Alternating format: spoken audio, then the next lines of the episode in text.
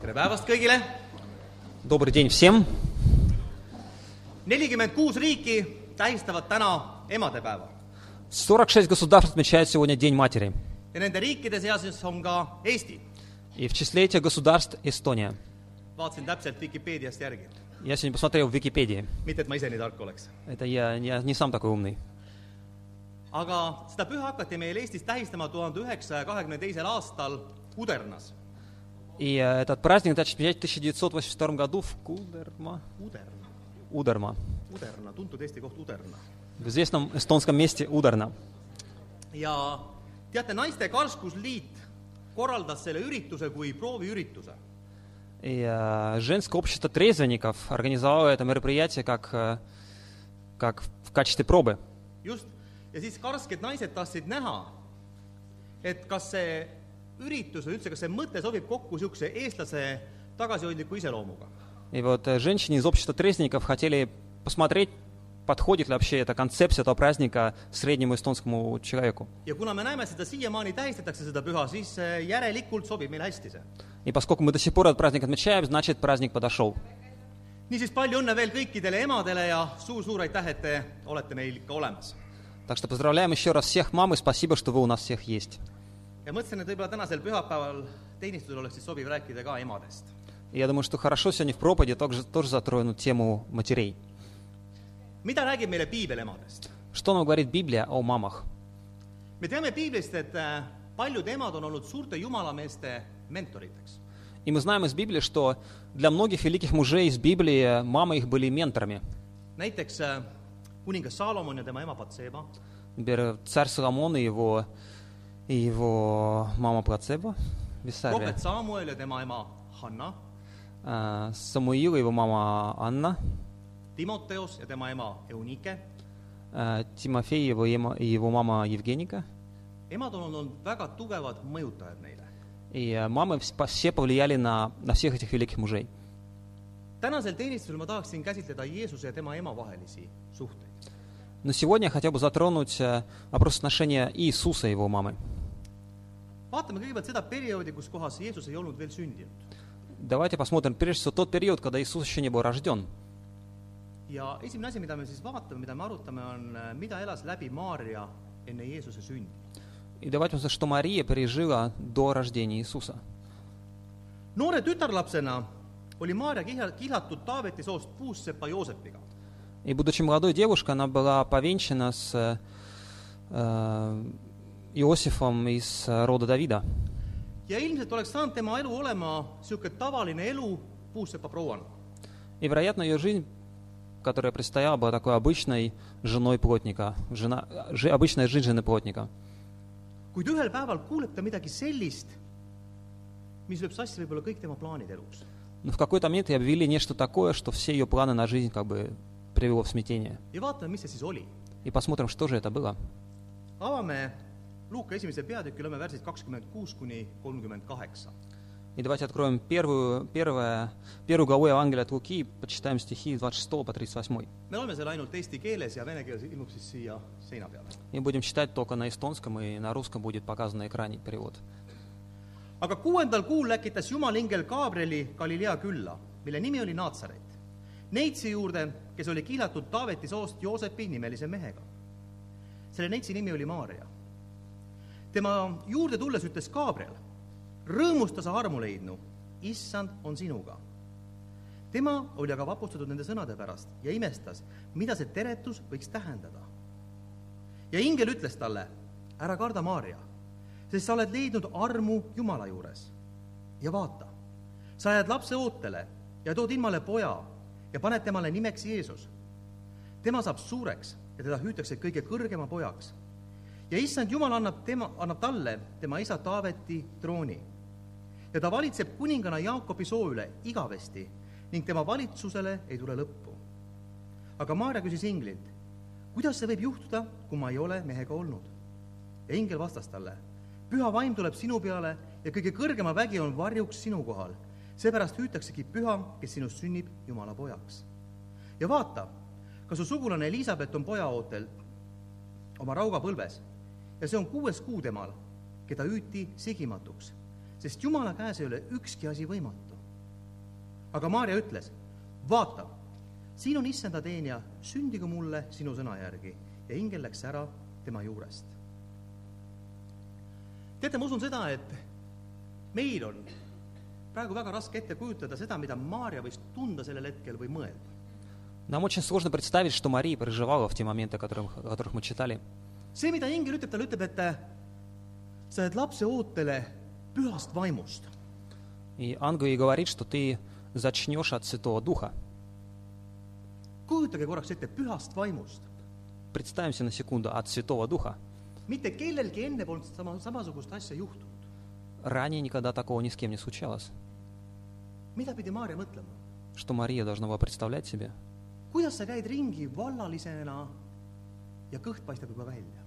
Как это ты ходишь э, по улице, будучи не женатой, и у тебя уже из живот вырастает? inimesed vaatavad sind ja mõtlevad midagi oma südames ja küsivad küsimuse, et kes on siis selle lapse isa. А Люди смотрят на тебя и задают себе в сердце вопрос, конечно, кто же отец этого ребенка? ja mida sa vastad neile, et kuule, et tead, et see noh, see on põhimõtteliselt pühast vaimust. И что ты им ответишь? Это от Святого Духа, представьте себе. Maarja pidi tegema lä- läbi midagi sellist, mis oli enneolematu ja nõudis väga suurt usku. И Мария должна пережить что-то, что было неслыхано до этого, и им нужно было много веры для этого. kuid nagu me lugesime kolmekümne kaheksandast värsist, Maarja alistub Jumala tahtele. Но как мы видим в 38 стихе, что Мария решает подчиниться воле Бога, несмотря на это. teate, ma usun, et see on suur mõtlemise koht ka meile, kes me täna istume siin saalis kõik. Я думаю, что это хорошее место поразмышлять для всех нас, кто мы сейчас в зале сидим. alistumine Jumala tahtele. Подчинение воле Бога. Teate, nii hea on alistuda Jumala tahtele, kui see Jumala tahe läheb kokku minu oma tahtega. Очень легко подчиняться воле Бога, когда она совпадает с моим желанием. me oleme rõõmsad, me noogutame, me oleme kaasas selle asjaga. Мы радостны, мы киваем радостно, мы согласны. kuid me teame, et alati see ei ole nii ja meie ees on vahest väga tõsine dilemma. Но если это не так, то перед нами встает такая серьезная дилемма. mõnes mõttes me saame täna samastuda Maarjaga, В какой-то момент можем уподобить себя с Марией сегодня. Sellepärast et Jumal on kutsunud ka meid oma teenistusse, Потому что Бог тоже призвал нас к себе на служение. andnud meile konkreetsed ülesanded, eesmärgid, Дал нам конкретные цели, задачи. võib-olla küll mitte nii suurte sõnadega või nii suurelt, Может быть, не, такими, не таким образом и не такими словами, aga see põhimõte on sama. но принцип тот же. tule ja järgi mind. Приди и исследуй за мной. tee seda, mida mina ütlen sulle teha. Делай то, что я велю тебе делать. ma palun, et sa mõtleksid praegu, Давайте задумаемся об этом. kas sa oled alistunud Jumala tahtele? Подчиняешься ли ты воле Бога? kas sa üldse otsid Jumala tahet? Ищешь ли ты воли Бога? teate, ma olen vahest mõelnud seda, et Jumal ei ole midagi teha nende järgijatega, kes ei taha teda tegelikult reaalselt järgida. Мне иногда, посещ... Меня иногда посещала мысль, что Богу просто никак нельзя использовать тех его последователей, которые на самом деле не, не хотят ему его желание выполнять. Neid nii-öelda järgijaid, keda peab kogu aeg raputama ja veenma, et kuule, tead, see asi on ikka õige ja tõuse ja tee ja mine ja Эти так называемые последователи, последователи Бога, которых нужно все время как-то встряхнуть и сказать, иди, сделай. pruut. Библия говорит, что церковь – это невеста Христа. see on võib-olla naljakas, et meid võrreldakse pruudiga, aga täpselt nii see piiblis on. Может быть, немножко странно звучит, что нас сравнивают с невестой, но это так и есть. ja teate, ma arvan seda, et Kristust ei huvita selle pruudi ümber mõõta. Я думаю, что Х- Христа не интересует объем талии этой невесты. teda ei huvita, kui see, kui suur on see kogudus arvudes. И Иисуса не интересует, насколько велика церковь численно. pigem huvitab teda see, kui pühendunud on see pruut temale. Скорее его интересует то, насколько эта невеста посвящена Ему. kui me vaatame siin Maarjat, me näeme seda, et Maarja oli pühendunud täitma Jumala tahtmist. И мы видим здесь, что Мария полностью посвятила себя желанию Бога. kuuldes seda sõnumit inglilt, ruttab Maarja kolmeks kuuks oma sugulase Elizabethi juurde. После того, как Мария услышала это, это, это сообщение от ангела, она поспешила к своей родственнике Елизавете. Sealt Naatsareti tagasi tulles peab Maarja oma raseda, raseduse tõttu taluma oma tulevase mehe Joosepi kahtlusi. И возвращаясь из Назарета, она должна была иметь дело с подозрениями своего мужа, будущего Иосифа. ja me näeme tegelikult, et Maarja on väga ja väga vapper naine. И мы видим из всего этого, что Мария очень и очень смелая женщина. teate, ma ütlen teile saladuskattele, et ma pean ennast väga-väga vapraks meheks. Я скажу вам под покровом тайны, что я считаю себя очень смелым человеком. Может быть, на самом деле не так, но я считаю себя смелым. Но тем не менее, женщины меня удивляют. Я иногда смотрю на некоторых женщин и думаю в своем сердце, что я бы так не смог бы поступить.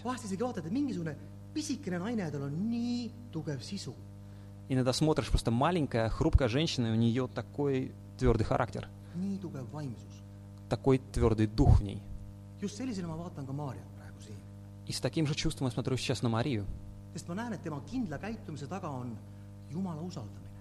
И я вижу, что ее за таким целенаправленным поведением доверие, большое доверие Богу виднеется. piibel räägib, et Joosep oli salaja oma südames mõelnud Maarja hüljata. И мы знаем из Библии, что Иосиф даже рассматривал такой вариант, что просто оставить Марию, бросить ее, чтобы спасти ее от публичного презрения. Потому что если бы это, э, ее проступок стал бы известен всем, то согласно закону Моисея Марию следовало бы забросать камнями насмерть.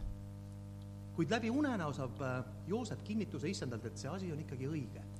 Но во сне от Господа получает Иосиф подтверждение, что все правильно, все хорошо. И мы видим во всей этой истории одну вещь. Еще до рождения Христа вера Марии подвергается серьезным испытаниям. kuid teate, ma usun, et just see täielik alistumine Jumala plaanil on siin võti. Но я думаю, что ключ вот ко всем этим решению всех проблем – это полное подчинение Богу. Ma usun, et see täielik alistumine, see on koht, kus kohas Maarja sai ka ise usku, et see, et kui see asi läheb ka väga raskeks või võimatuks, küll on Jumal see, kes teda kaitseb ja hoiab. Я думаю, что решение полностью подчиниться Богу – это то, что укрепило веру Марии и дало ей надежду, что все ситуации как-то разрешится. Läks mööda kolmkümmend aastat Прошло 30 лет, ja saabus Jeesuse aktiivse tegutsemise periood. и настал период активного служения Христа. Ja teise asjana vaatamegi, et mis toimus siis Jeesuse ja Maarja vahel selle aktiivse perioodi tegutsemise ajal. И давайте посмотрим, какие были отношения между Иисусом и его матерью во время вот этого активного миссионерского служения Христа. me teame seda, et kui Jeesus tegutses, siis oli tema tegu, tegutsemise ajal tema jaoks väga viljakaid piirkondi. И мы знаем, что когда Иисус а, проповедовал, то были такие периоды, где он был особенно плодотворен. kohad, kus ta sai teha palju imesid ja rahvast aidata Места, где он мог а, совершить много чудес и много помочь людям. И в, в этих местах люди обращались и исповедовали свои грехи, и обращались к Богу. Но, к сожалению, его собственная как бы, отчизна не, не принадлежала к числу этих мест. Давайте откроем Евангелие от Матфея. Глава 13, стихи 53 до 58.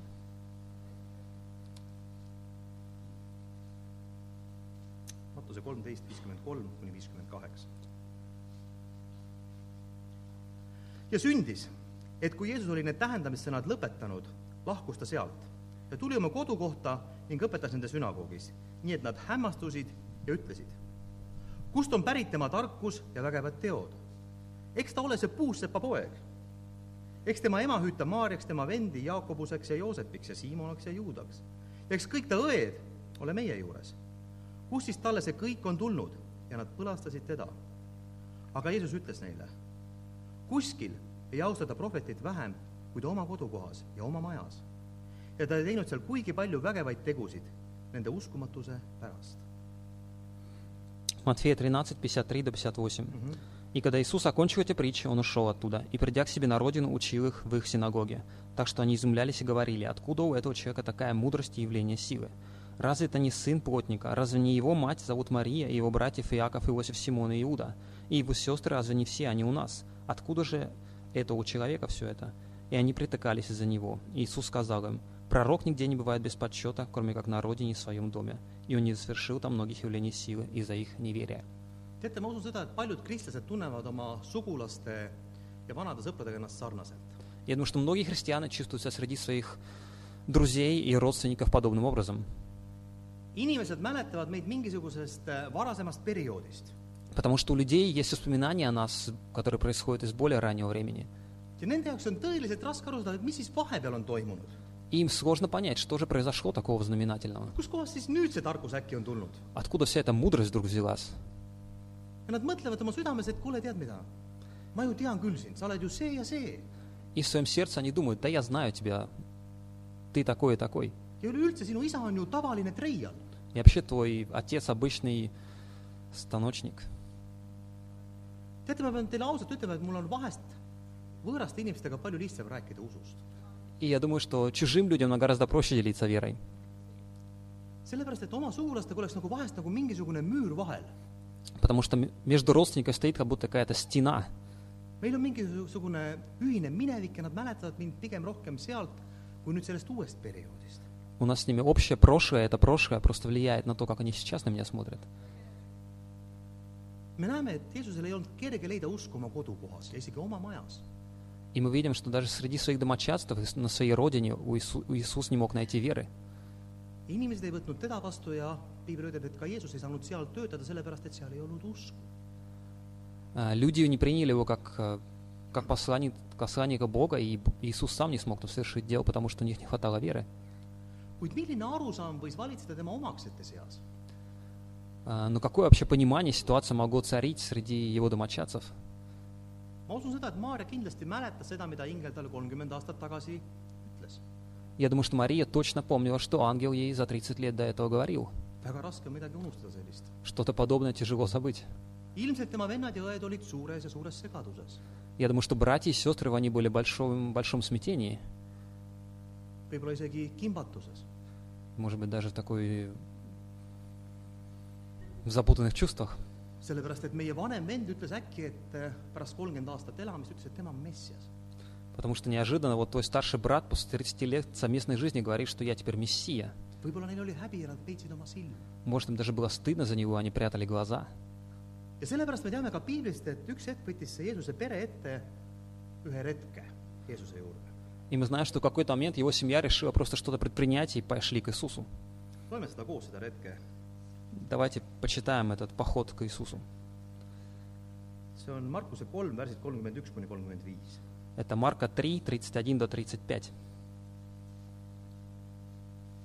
Markuse kolm, kolmkümmend üks kuni kolmkümmend viis. 3, 31 до 35. siis tulid Jeesuse ema ja ta vennad ja väljas seistes laskis nad teda kutsuda. ja rahva hulk istus Jeesuse ümber, kui talle öeldi, vaata, su ema ja su vennad ja su õed otsivad sind väljas. ent Jeesus vastas neile, kes on mu ema ja vennad. ja silmitsedes neid, kes istusid ringis ta ümber, ütles ta, ennäe, mu ema ja mu vennad. sest kes iganes teeb Jumala tahtmist, see on mu vend ja õde. И пришли его мать и его братья, и стоя снаружи, они послали сказать ему и позвали его. И вокруг него сидела толпа, и говорят ему, вот твоя мать, твои братья и сестры снаружи, ищут тебя. Он в ответ им говорит, кто моя мать и мои братья? И, оглядев тех, кто сидел кольцом вокруг него, говорит, вот моя мать и мои братья. Ибо кто исполняет волю Божью, тот мой брат, сестра и мать. Достаточно интригующая ситуация сложилась. Me ei tea küll täpselt, mille pärast need ema, vennad ja õed tulid sinna Jeesuse juurde, Мы не знаем, почему его семья пришла сейчас вот к Иисусу. kuid suure tõenäosus, tõenäosusega nad tulid sinna, et panna Jeesusele nii-öelda mõistus pähe. Но я думаю, они пришли для того, что просто... Потому что не ум за разум зашел, по их мнению. võib-olla nad tahtsid talle öelda, et kuule, et Jeesus, et ole nüüd mõistlik, palun tule koju, meil on piinlik naabrite ees. Может быть, они хотели сказать, слушай, Иисус, приди в себя, нам уже стыдно перед соседями. võib-olla tahtis ema öelda , et kuule , et poeg , kaua sa mängid siin messiat , tule palun oma puutöökotta , sul tellimused ootavad . Может, мама хотела ему сказать, долго ты будешь мессию себя корчить, заказы ждут дома, Jeesus oli puusse . потому что Иисус был плотником. kuid teate , selles olukorras annab Jeesus kõikidele väga konkreetse õppetunni . Но в ответ на это Иисус дает всем конкретный урок. sellepärast , et ta paneb Jumala riigi avalikult kõrgemale sugulussidemetest ja lähedastest suhetest . Потому что своим ответом он поставил Бога на более высокое место, чем все родственные связи. ja ta ütleb nende inimeste kohta, kes istusid temaga koos seal ringis, võib-olla nad olid võõrad inimesed, võib-olla ta mõnda tundis.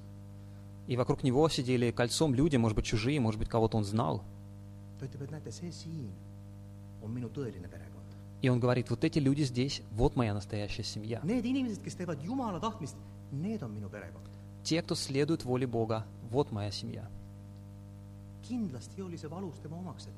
Я думаю, это больно слышать было его домочадцам. Это было больно слышать его маме, братьям, сестрам также. С кем ты нас сравниваешь? Мы же твои, твоя семья, это чужие люди.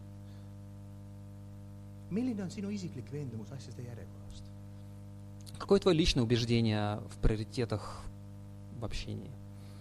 Kas äh, see tundub väga võõras, et panna Jumala riik ettepoole oma lähedastest? Это кажется очень чуждым поставить Царство Бога выше своих родственников. kas see tundub kuidagi sadistlik? Может, даже садистски это выглядит. teate, see asi ei hakka kunagi meil jüngritena tööle, kui Jumal ei ole meie jaoks esikohal. И мы никогда до конца этого не поймем, если не будет Бог на первом месте в нашей жизни. ma usun, meil kõigil on neid asju, millest meil on raske lahti lasta. Я думаю, у каждого из нас есть вещи, которых просто нам трудно с ними расстаться.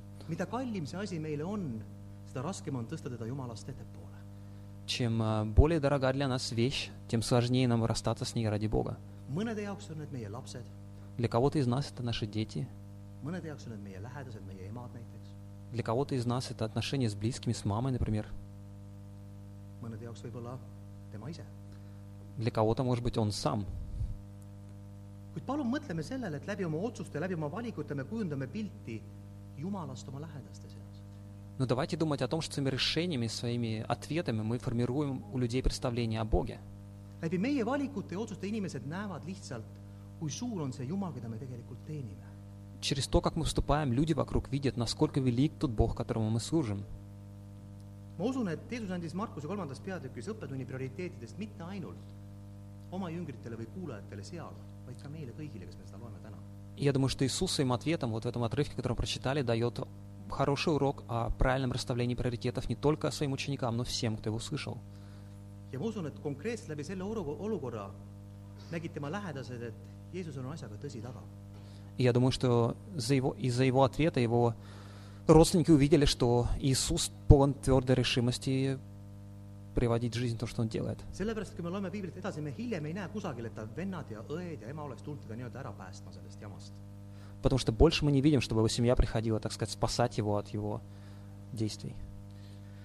viimane ja kolmas asi, Последняя и третья вещь mida täna natukene Markoga käsitles siin juba, see on Jeesus ristil .– это- это та, та тема, которую Марк уже затронул, это Иисус на кресте, на кресте. Ma ei tea, kuidas see teile tundub, aga minu jaoks isiklikult on see nagu kõige masendavam asi, mida ma piiblist loen. Я не знаю, как для вас, но для меня это самая такая мрачная сцена в Библии. kogu see kohtumõistmine ja risti löömine ja, А, Весь этот неправедный суд, распятие. ja kui ma proovin nüüd mõelda Jeesuse emale, И когда я думаю о маме Иисуса, ma lihtsalt ainult võin ette kujutada, kui raske see oli ema jaoks. я могу только представить, как это тяжело было для его мамы. kuid ema ei jätnud Jeesust, Но его мать не оставила своего сына. Но она была даже пред крестом у его ног. Мамы привыкли, что они помогают нам. ja ma usun, et emad tunnevad ennast eri, eriliselt võimetuna, kui nad ei saa midagi muuta või aidata mingis olukorras. Я думаю, что мамы чувствуют себя особенно беспомощны, когда они не могут помочь и не могут нам, нас вытащить из какой-то ситуации. Maarja nägi Jeesust väga raskes olukorras. И Мария видела ситуа- Иисуса в очень сложной и серьезной ситуации. kolm päeva varem oli kõik olnud väga ilus ja korras. Еще только три дня назад все было великолепно и красиво. rahvas hüüdis Jeesusele, hoosi anna, inimesed viskasid oma kuubasid maha. И, и народ восклицал пред Иисусом Асанна и бросал пред, пред его ногами пальмовые ветви.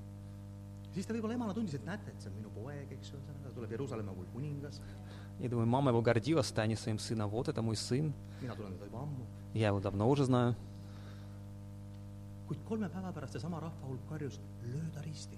Но три дня спустя тот же самый народ кричал, распни его, распни.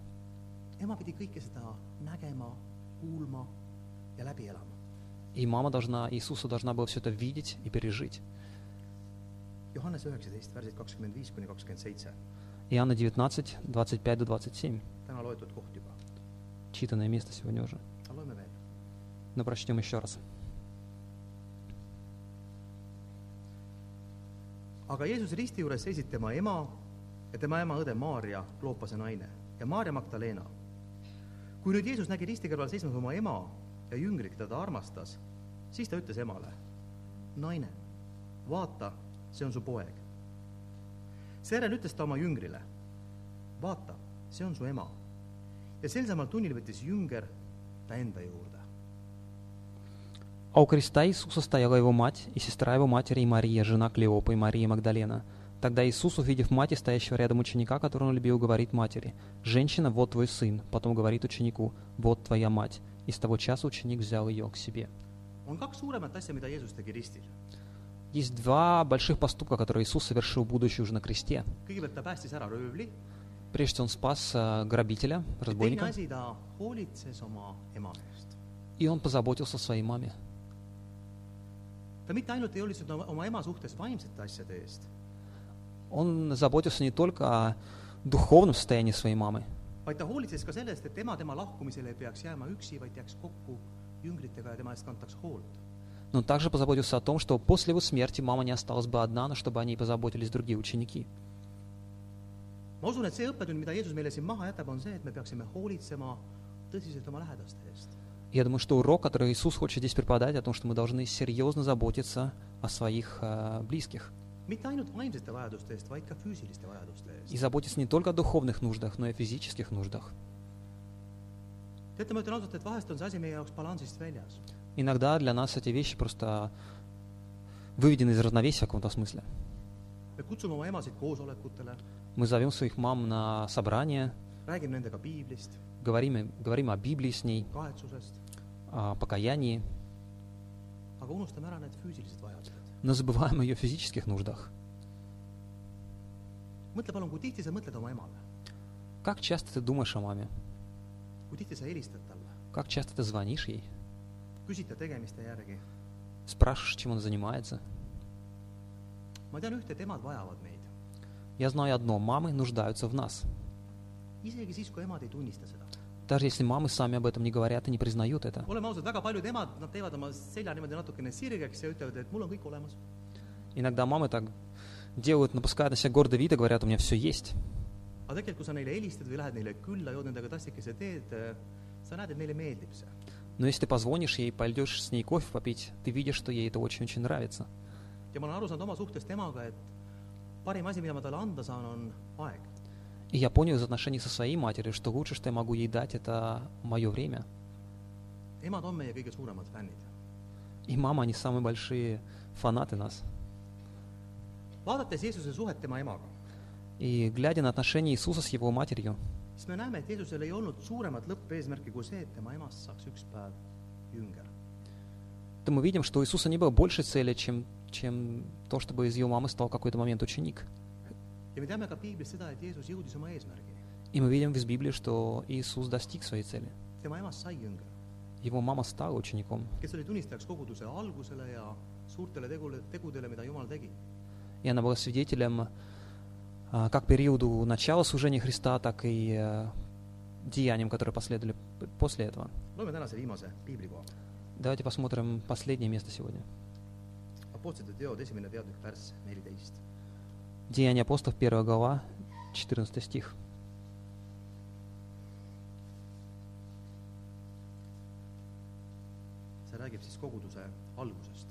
И здесь говорится о начале создания церкви. Nemad kõik olid püsivalt ühel meelel palvetamas koos Jeesuse ema Maarja ning naistega ja Jeesuse vendadega. И все они единодушно пребывали с постоянством в молитве вместе с женщинами Марией и матерью Иисуса и его братьями. Me näeme siit, et nii ema kui vennad olid koos jüngritega ja nad palvetasid seal ühel meelel. И мы видим, что мать и братья Иисуса, они были с учениками и молились. sama seltskond, kes ma-, kes Markuse kolmandas peatükis käis Jeesust nii-öelda päästmas. Тот же самая, тот же самая компания, которая в 13 главе от Марка хотела спасти Иисуса от его миссии. Jeesus oli jõudnud oma eesmärgini. Иисус достиг своей цели. ma usun, et me ühes asjas oleme sarnased Jeesusega. Я думаю, в одной вещи мы похожи на Иисуса Христа. Если бы у нас было одно желание, которое загадать в отношении близких, то каким бы оно было?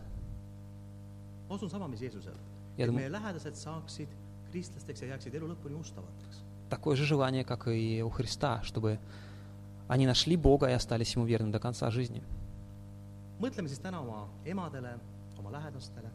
Давайте подумаем о наших мамах, наших близких. mõtleme, mida me saame omalt poolt teha, et nad saaksid lepitatud Jumalaga И подумаем, что мы можем сделать со своей стороны, чтобы они примирились с Богом и остались верными Богу. Спасибо вам.